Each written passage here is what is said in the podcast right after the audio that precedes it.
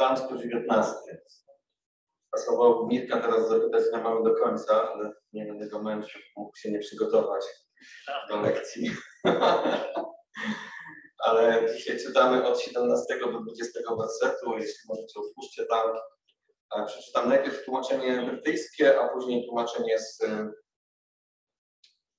e, z tego nowego wydania Psalm 119 od wersetu 17. Okaż dobroć słudze swemu, abym żył i przestrzegał słowa Twego. Otwórz oczy moje, abym oglądał cudowność zakonu Twego. Jestem gościem na ziemi, nie ukrywaj przede mną przykazań swoich. Dusza moja omdlewa ustawicznie z tęsknoty za prawami Twoimi. Teraz tłumaczenie, tłumaczenie Ewangelicznego Instytutu. Okaż wspaniałomyślność swemu słudze, abym żył i przestrzegał Twego słowa. Otwórz moje oczy, abym podziwiał niezwykłość Twego prawa. Jestem gościem na ziemi. Nie ukrywaj przede mną swych przykazań. Moja dusza omdlewa, tęskniąc do Twoich rozstrzygnięć. Dobry Boże, tak dziękujemy Ci dzisiaj za Twoje słowo. Dziękujemy Ci, Panie, za ten wielki przywilej, studiowania go, doświadczania Jego mocy. Dziękuję Ci za światło, które sprawia, które sprawia Twoje słowo, które oświeca nasze ścieżki, Panie, daje nam mądrości, leczy nasze rany, dotyka naszych serc, poucza nas, prowadzi nas, ostrzega. Tak bardzo dziękujemy Ci za to, że mamy ten przywilej, aby znać Twoje słowo, poznawać je, aby ono przemieniało nasze serca, nasze rodziny, nasze kościoły, nasze umysły. Dziękujemy Ci Panie za to. Dzisiaj wywyższamy na tym miejscu Twoje święte imię. Uwielbiamy Cię i prosimy Cię o Twojego ducha i o to, abyś Ty przemówił do swojego ludu. W Twoim świętym imieniu modlimy się. Amen. Okaż dobroć swemu słudze, abym żył i przestrzegał słowa Twego. czy ktoś z Was kiedyś modlił się o błogosławieństwo dla siebie, tak osobiście? O błogosławieństwo dla mnie, Boże błogosław mi w tym czy w tamtym, w finansach, w pracy, w życiu rodzinnym, zawodowym. Każdy z nas, każdy z nas kiedyś wypowiedział taką modlitwę. Każdy z nas też w jakiś sposób oczekiwał, że ona zostanie wysłuchana z nadzieją w sercu, że Bóg przychyli się do naszej prośby. Nie ma nic złego w tym, że prosimy o takie rzeczy. To niekoniecznie musi być egoistyczne pragnienie tego, że mamy być dobrze. Wcale to nie oznacza, że Bóg lubi, kocha, błogosławi swój lud. Nieraz widzimy to na kartach Biblii. Wiele razy widzimy to na kartach Biblii, że Bóg ma pragnienie, aby błogosławić, aby czynić dobrze, aby e, Zresztą Księga Jeremiasza, bodajże chyba 17 rozdział mówi o tym, ja wiem, jakie mam myśli o was. Myśli o pokoju, myśli o e, dobrej przyszłości. Aby zgotować wam coś, czego oczekujecie. To jest serce Boga, który, który pragnie czynić dobrze swojemu ludowi. I psalmista tutaj na tym miejscu modli się, okaż dobroć słudze swemu, aby błogosławieństwo Twoja dobroć, Twoja wspaniałomyślność, powodzenie spłynęło na moje życie. Ale jest, jeden, ale jest druga część tego wersetu. Abym żył i przestrzegał Twojego prawa. Abym żył i przestrzegał Twojego słowa. I tutaj widzimy serce człowieka, który to pisze, który mówi: Ześlij na mnie błogosławieństwo, abym żył, przestrzegając, trzymając się ściśle Twoich przykazań, Twoich słów. I to objawia serce psalmisty, który mówi, Twoje błogosławieństwo potrzebne mi jest po to, abym mógł żyć i być świadectwem tego, jak jesteś dobry na swoje usługi. Aby ludzie, którzy patrzą na mnie, moi przyjaciele i moi wrogowie, tych, których spotykam na co dzień, mogli zobaczyć, że w moim życiu jest coś niezwykłego, coś pięknego, coś zupełnie szczególnego. I to błogosławieństwo do tego mi jest także potrzebne. Choć naturalnie każdy z nas chciałby być, mówiąc tak symbolicznie, e, jak się mówi, pięknym, pięknym młody i bogaty, jako stary. Tak? Okay? I z tym kojarzy, większość ludzi z tym kojarzy błogosławieństwo, ale błogosławieństwo to znacznie szersze pojęcie, bo można być biednym i szczęśliwym. Wiecie, przeczytam, a może to później, później do tego jeszcze wrócimy, e, bo znalazłem kilka takich bardzo fajnych, nie biblijnych co prawda, ale wypowiedzianych przez znanych ludzi, dwie takie, dwie takie sentencje chcę wam się przytoczyć, które mówią o tym, że, jak, że człowiek, który nie ma bogactwa, nie ma majątności, człowiek, który może nie dysponuje poświętnym majątkiem, bogactwem, gotówką, i nie, którego nie na wszystko stać, i to o tym dobrze wiemy, chociaż mówi to trochę banalnie, że tacy ludzie często są o wiele bardziej szczęśliwi, jeśli ich postawa serca, jeśli ich postawa serca jest właściwa. Jeśli doceniają to, co mają, nawet te najmniejsze rzeczy. My, jako wierzący ludzie, doskonale wiemy, że można też być bogaty w taki niegodziwy sposób. Tak? I doskonale wiemy, że jak, jak mi się wydaje, większość z nas przynajmniej, potrafi odróżnić zysk niegodziwy od godziwego. Wiemy, że ten właściwy zysk, to błogosławieństwo takie materialne, ono powinno spłynąć z pracy naszych rąk, z naszego wysiłku. To jest jakby Boży zamiar. I potrafimy odróżnić e, ten zysk niegodziwy, tak? kiedy mielibyśmy szansę uzyskać tak zwane błogosławieństwo, czy w takiej strefie materialnej, ale pochodzące nazwijmy to z takich szemranych źródeł. Tak? Wiemy, że to, że to jest możliwe. W dzisiejszym świecie szczególnie, nie wiem jakie stanowiska zajmujecie, co robicie w swoim życiu, nie wszyscy. E, e, I kto wie, może dostaniecie w przyszłości jakąś super pracę, będziecie wpływowymi ludźmi. I pojawi się, pojawi się ktoś, kto poprosi was o przysługę. I to nie będzie darmowa przysługa. Co wtedy powiesz? Jak się zachowasz? Czy będziesz w stanie oprzeć się pokusie, aby się wzbogacić, aby przyjąć to, w cudzysłowie, błogosławieństwo? Z szemranej strony, z takiej strony, która być może jest na krawędzi prawa, która jest niezgodna z naszym odmienionym przecież sumieniem. Nasze odrodzone serce, sumienie, które jest wrażliwe na takie rzeczy, będzie nas przed tym ostrzegać. Czy to też będzie dla Ciebie błogosławieństwo? Nikt nie broni nam prosić Boga, choć czasami, i mam nadzieję, że to nie zdarza się w środowiskach chrześcijańskich ludzi odrodzonych, Bóg traktowany jest trochę jak taki święty Mikołaj. Jak ktoś, kto jest w jakiś sposób zobowiązany, aby nam błogosławić, aby zsyłać na nas prezenty. A Bóg to nie jest święty Mikołaj.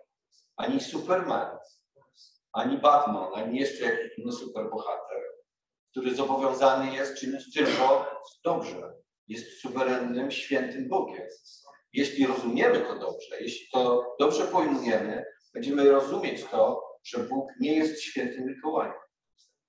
Choć zachęca nas, i tu czytamy Mateusza 7,7, proście, a będzie wam dane. Szukajcie, a znajdziecie. Kołaczcie, a otworzą wam. Ale w tym przypadku psalmisty widzimy człowieka, który prosi o błogosławieństwo z sercem, które pragnie czynić Jego wolę, szukać Jego woli. I myślę, że to się Bogu podoba. Myślę, że to jest dla Boga niezwykle ważne. Abyśmy mieli taką postawę serca. Panie, pragnę Twojego błogosławieństwa i pragnę, aby ono przełożyło się na to, abym był jeszcze bliżej Ciebie, abym jeszcze bardziej szukał Ciebie, aby mnie świat nie pochłonął, aby, był, aby bogactwo, splendor, który być może na mnie kiedyś spłynie, aby majątność, którą uzbieram po iluś tam latach gromadzenia, nie sprawiła, że nie będę już myślał o Tobie, że będę to błogosławieństwo wykorzystywał na ku własnej korzyści.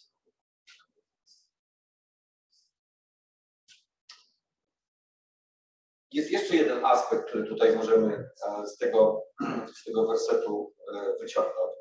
Okaż dobroć słudze swemu, abym żył.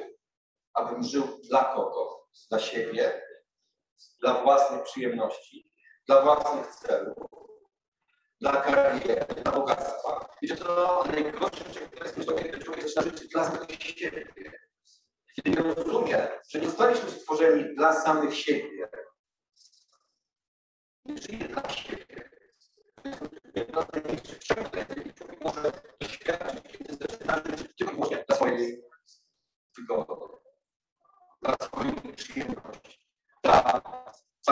dla swojej własnych, własnych potrzeb. Moje ja, moje ja,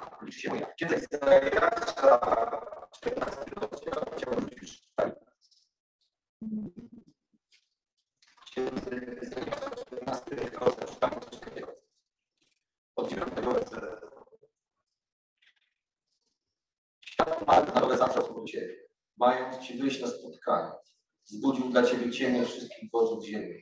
Rozkazał wstać z tronu wszystkim królom narodów. A gdy do, odezwą się oni, to tak Ci powiedzą, a jednak zasłabłeś tak jak my. Upodobniłeś się do nas Świat zmarłych pochłonął Twoją pychę i grę Twoich instrumentów. Twoim posłaniem zgnilizna, Twym okryciem robactwo.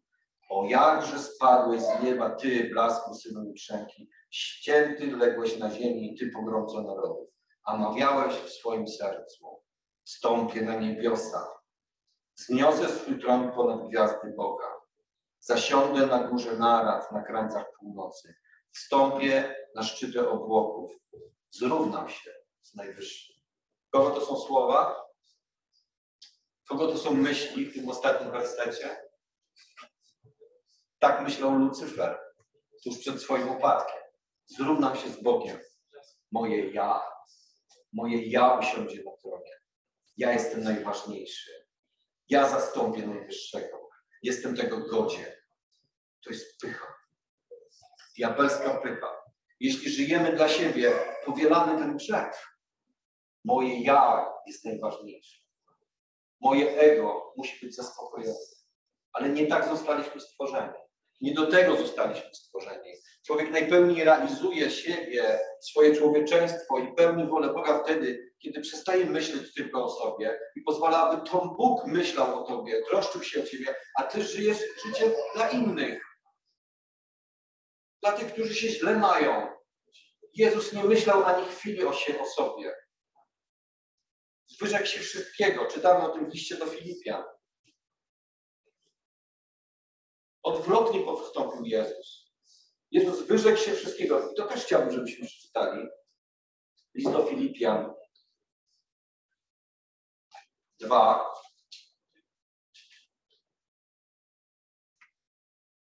Pięć do jedenaście.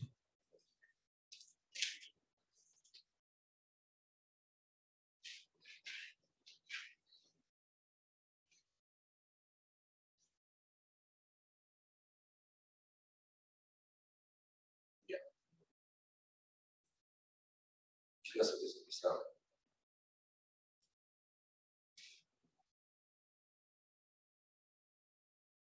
Ale nieważne.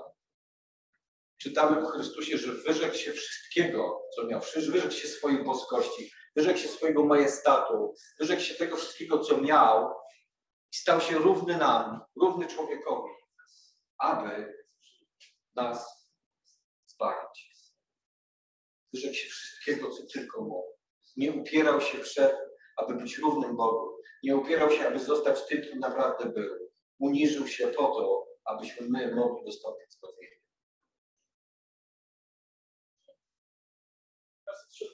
Werset siódmy?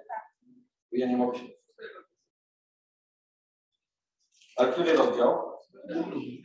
Drugi, tak? O siódmym.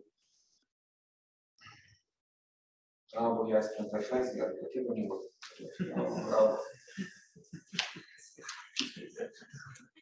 Paszport.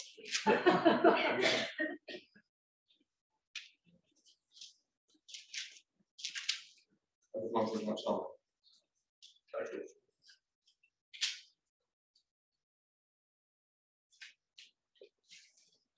Ktoś mi pozwolił włączać. Filipie, tak.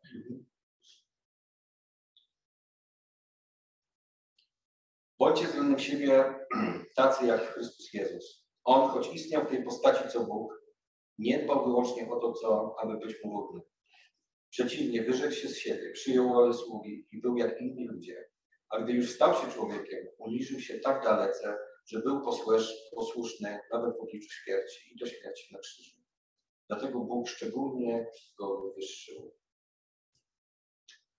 i obdarzył imieniem znaczącym więcej niż wszelkie imię, aby na imię Jezusa zginało się każde kolano w niebie, na ziemi i pod ziemią i aby każdy język wyznawał, że Jezus Chrystus jest Panem na chwałę Boga Ojca. Uczynił coś wręcz przeciwnego niż to, co pojawiło się w sercu diabła. Zrezygnował z siebie. W sercu Lucyfera było wywyższyć swoje, wywyższyć swoje ja. A Jezus przyszedł i uniżył się zupełnie, jako Bóg. Miał prawo zrobić coś absolutnie odwrotnego, ale postanowił, że będzie inaczej. To jest serce Boga. Jezus nie przyszedł po to, aby żyć dla siebie samego. Nie przyszedł, aby mu oddawano cześć. Chociaż należała mu się. Ale przyszedł, aby uniżyć samego siebie i oddać siebie w ofierze.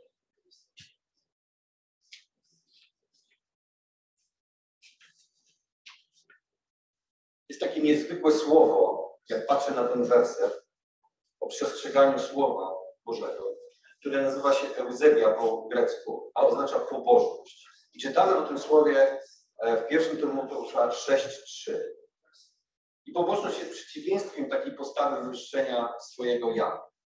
W pierwszym Tymoteusza 6 czytamy, jeśli ktoś inaczej naucza i, trzyma się, i nie trzyma się zbawiennych słów Pana naszego Jezusa Chrystusa oraz nauki zgodnej z prawdziwą pobożnością, ten jest zarozumiały, nic nie umie, lecz choruje na wszczynanie sporów i spieranie się od słowa, z czego rodzą się zawiść, swary, bluźnierstwa, złośliwe podejrzenia, ciągłe spory ludzi spaczonych na umyśle i wyrzut, prawdy, którzy sądzą, że z pobożności można ciągnąć zysk.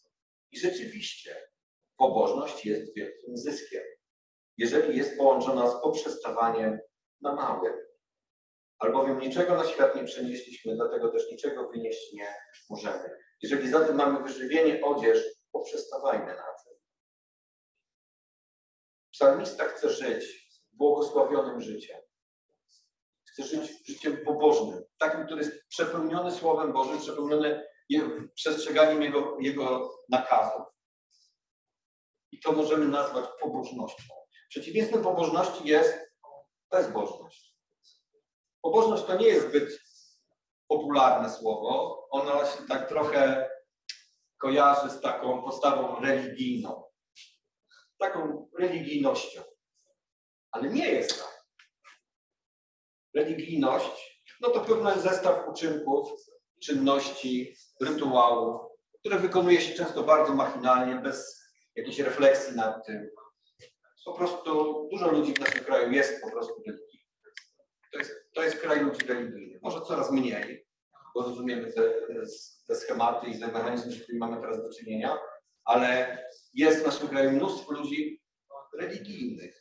I tu należałoby dodać słowo tylko religijnych, bo religijność nie ma nic wspólnego z pobożnością, z taką prawdziwą pobożnością, o której tu mówimy, a Paweł nawet pisze tutaj, że e, nauki zgodnej z prawdziwą pobożnością, co sugeruje, że istnieje też pobożność nieprawdziwa, pobożność udawana.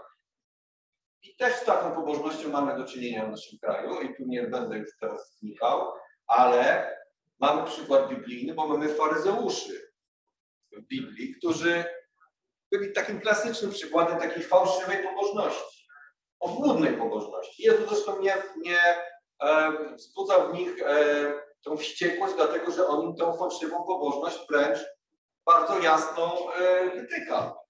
Mówią, jesteście jak groby pobielane. Macie taką fasadową pobożność, taką na pokaz. Dobrze wam z tym, bo po pierwsze jesteście szanowani, czerpiecie z tego zyski, macie szacunek, a nawet władzę, splendor. Czego jeszcze można chcieć? Ale co to ma wspólnego ze mną? Pytał Jezus. Co to ma wspólnego z Bogiem? Nic. I to ich bardzo denerwowało. To sprawiało, że Jezus stał się dla nich wrogiem. Taką, takim, e, taką jakimś ościeniem, których ciągle uwierał. Postanowili go za to zabić. za to, że mówił prawdę. I pobożność to jest niezwykle cenna rzecz w naszym życiu. Jeśli myślisz, że jesteś pobożnym człowiekiem, to dobrze. Jeśli nie wstydzisz się tego, że jesteś pobożnym człowiekiem, to bardzo dobrze. Nie bój się tego, że ktoś może o tobie pomyśleć, że jak można być w dzisiejszym świecie pobożny. Pobożny człowiek to człowiek, który czci i szanuje Boga w swoim życiu. Bo słowo Eusebia dosłownie oznacza cześć, szacunek i oddanie. Tłumacząc z greki. Cześć, szacunek i oddanie. Więc jeżeli jesteś dzisiaj, czcisz Boga, szanujesz Go, jesteś Mu oddany, to jesteś pobożnym człowiekiem. Nawet jeśli nie chcesz o sobie myśleć w tych kategoriach, to jesteś pobożnym człowiekiem. I to dobrze. To jest prawdziwa, dobra, wspaniała, cudowna, podobająca się Bogu pobożność. Może nie ma z niej wielkich zysków, ale zawsze możesz prosić Boga o błogosławieństwo. Liczyć na to, że On przychyli się do Twojej prośby. I tak jak pisał psalmista, abym żył i przestrzegał Twojego słowa, przestrzegał Twoich przykazań. Wiecie, kiedyś nawet odkurzacz był luksusem. Ja pamiętam takie czasy, to był tak, tak zwany wczesny Gomułka, kiedy jak miałeś w domu odkurzacz, to już byłeś gość. Już nie mówię o samochodzie, telefonie i takich różnych rzeczy. Ja pamiętam taki czas, kiedy e, no, trzeba było się długo starać, żeby mieć telefon. E, I to nie było tak dla każdego. A odkurzać, jak miałeś w domu, no to już rzeczywiście było coś, e, coś naprawdę ponad jakiś pewien standard. Oczywiście to są stare, zamieszkłe czasy komuny, ale tak było kiedyś. Dzisiaj nasze standardy się zupełnie zmieniły, ale aby to nam nie przewróciło w głowie, abyśmy szanowali, czcili i byli oddani Bogu, bo wtedy zachowamy ten umiar we wszystkim. Bo nie, nie ma nic złego w tym, jeśli jesteśmy bogatymi, majątnymi ludźmi. Gorzej, jeśli pieniądze to jest nasza miłość, bo miłość pieniędza, miłość do pieniądza jest dopiero korzeniem świętego zła. Miłość do niego. Lepiej być pobożnym i szukać Bożego błogosławieństwa, które spłynie z Jego rąk. Tak jak psalmista się o. I to jest dobra modlitwa. Nie troszcie się więc i nie mówcie, co będziemy jeść albo co będziemy pić. Wszyscy znamy te wersety. Albo czym się będziemy przyodziewać. Bo tego wszystkiego poganie szukają, albowiem Ojciec Wasz Niebieski wie, że tego wszystkiego potrzebujecie. Ale szukajcie najpierw Królestwa Bożego. Ale szukajcie najpierw Królestwa Bożego i sprawiedliwości Jego, a wszystko inne będzie Wam dodane. To jest obietnica. Nie troszcie się więc o dzień jutrzejszy, gdyż dzień jutrzejszy będzie miał własne troski, dosyć ma dzień swego utrapienia. Jest też taki werset, który chciałbym, nie wiem, czy mamy na to czas, troska, e, taki werset w księdze Ageusza, który kiedyś mnie tak bardzo mocno poruszył. Tak bardzo zniknął e, i naprawdę dotknął mojego serca że nie musicie tam otwierać, ale mm, jeśli znajdę, jeśli znajdę, e, Księga Arkeusza,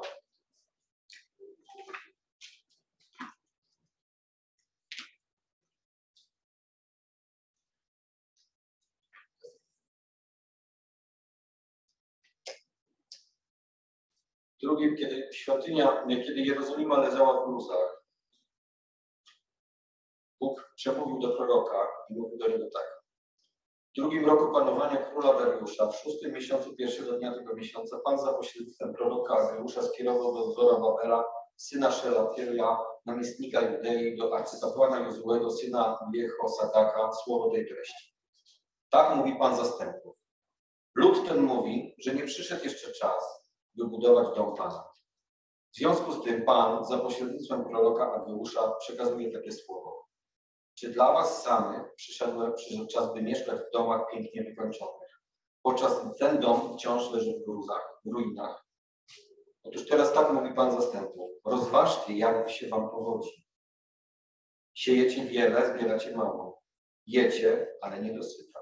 Pijecie, lecz nie gasicie pragnienia. Odziewacie się, ale jest wam zimno. Kto zarabia, gromadzi do dziurawego worka. Tak mówi Pan zastępów. Zastanówcie się nad swoim postępowaniem. Idźcie za w góry, sprowadźcie drewno, budujcie mój dom. Spodoba mi się on i zostanę uwielbiony, mówi Pan. Bo, zważcie, liczyliście na wiele, a jest niewiele. Przynieśliście to do domu i zmuchnąłem to. Z jakiego powodu oświadcza Pan straty? Z powodu mojego domu, bo leży w gruzach, a każdy z Was zabiega o własny dom. Bóg zabiega o swój dom, zabiega o swój kościół. Bogu zależy na to, żebyśmy budowali ten kościół, budowali jego fasady, troszczyli się o jego dom. To też jego mieszkanie pośród nas. Jeśli zajmiemy się tylko swoimi sprawami, jeśli przyjmiemy tą postawę, a to kościół jest w niedzielę,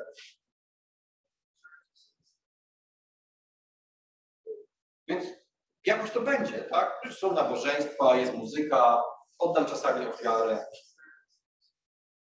Ze mną wszystko jest w porządku. A co z Twoim sercem? Gdzie ono jest? Czy ono jest po stronie tych, którzy budują, którzy troszczą się, którzy zabiegają o dom Pana? Czy pójdziesz w góry nazbierać drewna? Czy zrobisz ten wysiłek? Czy Twoje serce będzie zdeterminowane do tego, że kiedy będziesz widział, że dom Pana kuleje, że coś mu podupada, że zaczynają się spory, kłótnie, że, że jest nas coraz mniej, że coś tym zrobisz? Ja nie mówię, że teraz tak jest, ale tak może być. Nie wiemy tego. Diabeł nie śpi. Ludzie są tylko ludźmi. Żyjemy w świecie, który nie jest jakoś specjalnie zainteresowany, żeby kościoły chrześcijańskie kwitły. Co zrobimy z tym, kiedy przyjdzie taki moment? Czy masz serce, które pójdzie w górę? Czy masz siły do tego, do tego, aby pójść w górę i nazbierać drewna, żeby budować dom pański? Czy jesteś zdeterminowany, aby ponieść ten wysiłek? Zobaczcie, jakimi słowami, jakimi ostrzeżeniami, jakimi e, słowami Bóg kieruje przez proroka do budowniczych, do Izraela. Siejecie dużo, zbieracie mało. Jest jeden powód. Nie budujecie domu Pana. A ja zabiegam o swój dom. Zabiegam o Jego dom. Zależy mi na nim. Bo Jezus zostawił nam Kościół. Zostawił nam Kościół i dał nam odpowiedzialności za to, aby ten Kościół rósł. Aby ludzie byli zbawiani. Aby, Ewangelia była głoszona. Aby światło Jego Ewangelii świeciło. Także w Kościele.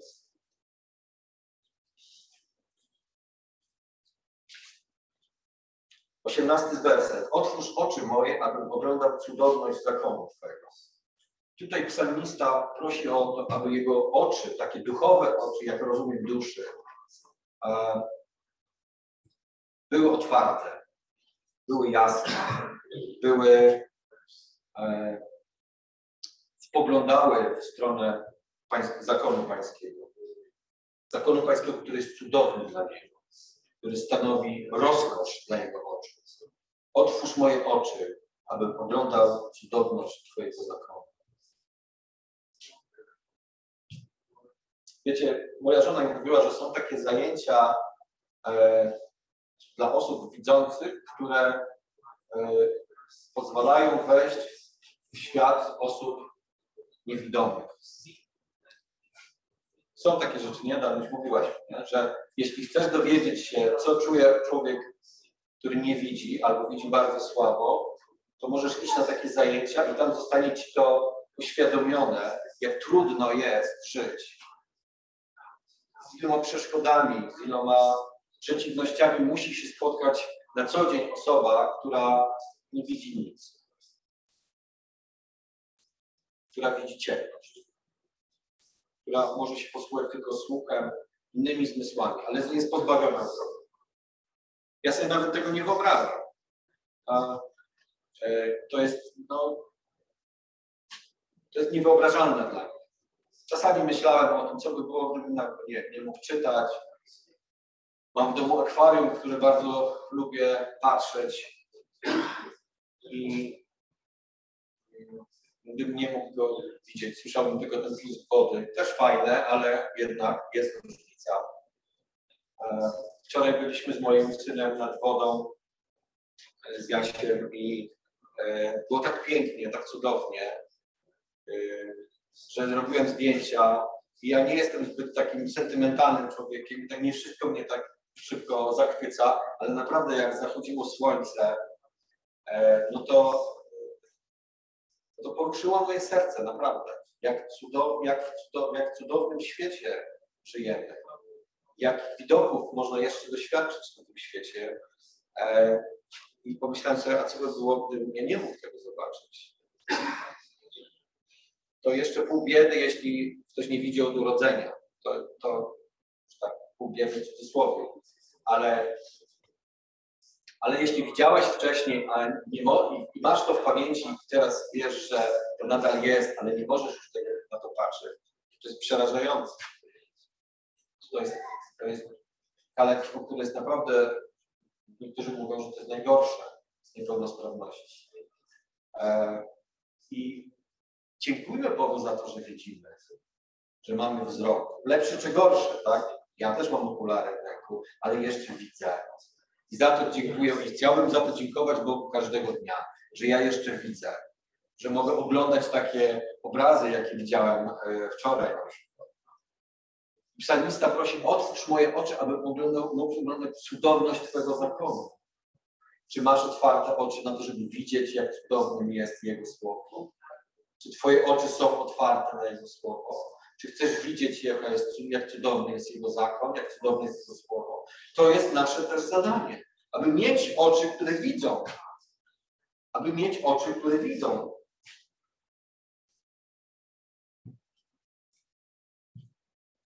Mateusza 6,22 czytamy jak światłem ciała jest oko. Jeśli kiedy oko Twoje jest zdrowe, całe ciało Twoje jasne będzie. A jeśli oko Twoje jest, byłoby chore, całe ciało Twoje będzie ciemne. Jeśli wtedy światło, które jest w Tobie jest ciemnością, sama ciemność jakaś będzie. To jest, to jest nasza odpowiedzialność też, aby mieć zdrowe, zdrowe wnętrze, zdrową duszę, która będzie dostrzegać cudowność Jego Słowa będzie rozkoszować się tym, co mamy w tej księdze. Doceniać to, co mamy w tej księdze. To jest niezwykle ważne dla naszego duchowego rozwoju, duchowego życia. Otwórz, Panie, nasze oczy, abyśmy oglądali cudowność Twojego zakonu, cudowność Twojego słowa. Dziewiętnasty werset. Jestem gościem na ziemi. Nie ukrywaj przede mną Twoich przykazań. I tutaj mamy, autor pisze nam o tym, że jest pielgrzymem. Nie wiem, czy wiesz, ale jesteś też pielgrzymem. Jesteś pielgrzymem i jesteś tu tylko na chwilę, na mgnienie oka. Jeśli przystawimy nasze życie i okres jego trwania do wieczności, to to nawet nie jest oka. To, to jest krócej.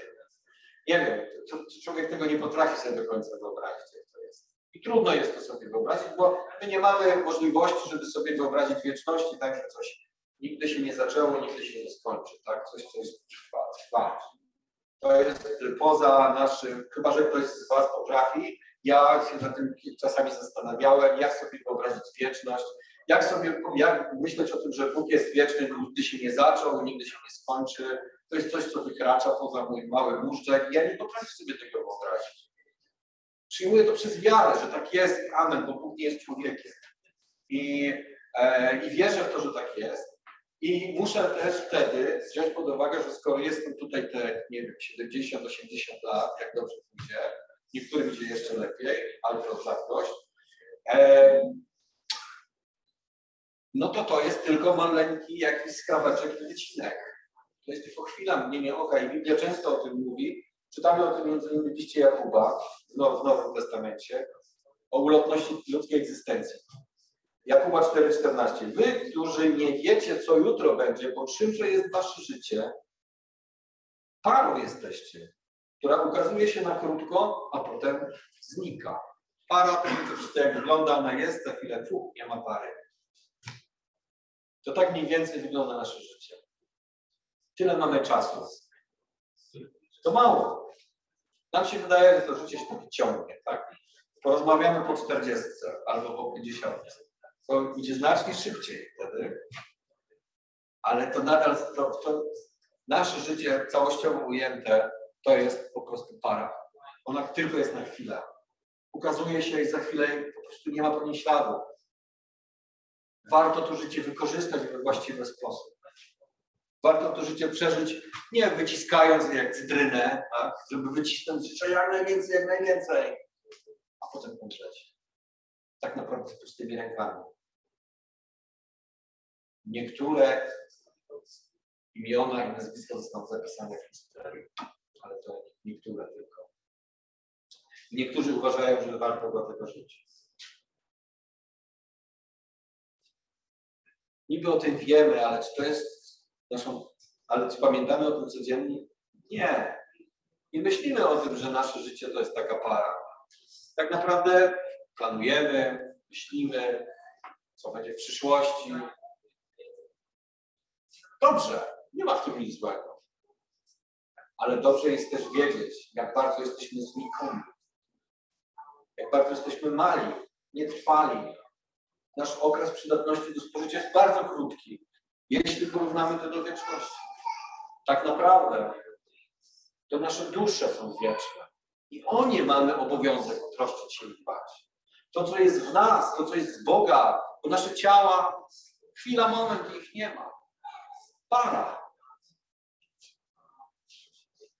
Pierwszy Jana, pierwszy Jana 2,15. Nie miłujcie świata ani tych rzeczy, które są na świecie. Jeśli kto miłuje świat, nie ma w nim miłości Ojca, bo wszystko, co jest na świecie, porządliwość ciała, porządliwość oczu i pycha życia, nie jest z Ojca, ale ze świata. I świat przemija wraz z porządliwością swoją, ale kto pełni wolę Boga, trwa na wieki. Trwasz na wieki. W swoim wnętrzu, w swojej duszy trwasz na wieki. Twoje ciało któregoś dnia zniknie, jak para. W taki czy inny sposób. Nie obejrzysz się na to. Kiedy spojrzysz do tyłu za siebie i zrewidujesz swoje życie, swoją przeszłość, mówię, Boże, jak to się stało, że to tak szybko minęło? Miałem tak jeszcze dużo rzeczy do zrobienia. Jeszcze tak dużo rzeczy mi się nie udało zrobić. Już trzeba odejść. Ale jest w Tobie wieczność. Bóg włożył w Twoją duszę wieczność, stworzył Ciebie do życia wiecznego, który jest w Tobie, w środku. Jeśli jesteś odrodzonym człowiekiem, to jest w Tobie wieczna dusza, o którą Bóg domaga się, abyś Panu dbał, troszczył się. Dlatego mówię o wewnętrznych oczach duszy, aby oglądały cudowność Jego zakonu, aby zachwycały się nim, bo to jest życie. W tym jest życie. Widoki są piękne. Ja naprawdę zachwycałem się wczoraj tym, co widziałem. To było piękne. Taki kawałek jeziora, trochę lasu, jesienne kolory, zachodzące słońce. Bo widzieliście wszyscy prawdopodobnie takie rzeczy. Ale to wczoraj do mnie tak przemówiło do mojego serca. To było piękne, naprawdę. Jasiu, dziękuję Ci za to, że wyciągnąłeś mnie na te ryby, bo to było fa fajne przeżycie. Nawet zdjęcie zrobiłem, wysłałem żonie. Naprawdę ładny widok. Minie tak samo jak wszystko. Tu czytamy o tym to wszystko przeminie. Choć jest piękne, choć jest Bożym stworzeniem. Liczy się Twoja dusza.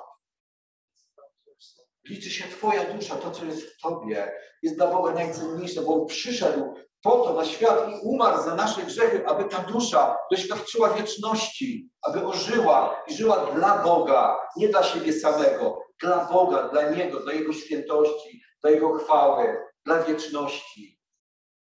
Pojednał nas z sobą przez Jezusa Chrystusa, abyśmy doświadczyli wieczności. Trwasz na wieki. Ten, kto pełni wolę Bożą, trwa na wieki.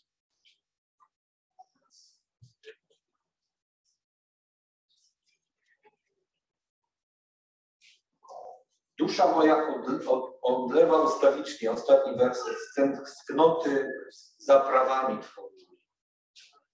Tutaj jest tutaj ta dusza odlewająca dusza to dusza, która lgnie do prochu, która jest tak słaba, że wręcz umiera. Tu mamy do czynienia z takim porównaniem, że dusza tak tęskni za jego prawami, że bez jego zakonu, bez jego prawa, bez jego słowa jest w stanie umrzeć. Lgnie do prochu, lgnie do ziemi. Czułeś kiedyś prawdziwy głód? Taki, niektórzy mówią, zjadł konia z kopytami. Taki naprawdę silny głód. Myślę, że jest mnóstwo ludzi na ziemi, którzy mogą to powiedzieć. I wiemy o tym, że ludzie z głodu są zdolni do y, różnych dziwnych rzeczy. Głód potrafi być bardzo silny, bardzo, y, bardzo dokuczliwy. Jego zaspokojenie jest bardzo ważne. To dostaliśmy też Boga, żeby jeść, żeby posilać nasz organizm. Ale czy nasze dusze są też głodne? Czy czułeś taki głód Bożego Słowa kiedyś, taki, który cię przymuszał do tego, muszę wziąć Biblię, muszę coś czytać, muszę to, muszę napełnić swoją duszę Bożym Słowem. Ona odumiera. Bo bez Słowa Bożego moja dusza zaraz zemdleje. Psalmista odczuwa głód Bożej obecności. Dusza moja omdlewa ustawicznie z tęsknoty za prawami Bożymi. To dzisiaj tęskni za Bożym prawem, za Jego zasadami, za Jego nakazami, przykazaniami. Mało kto.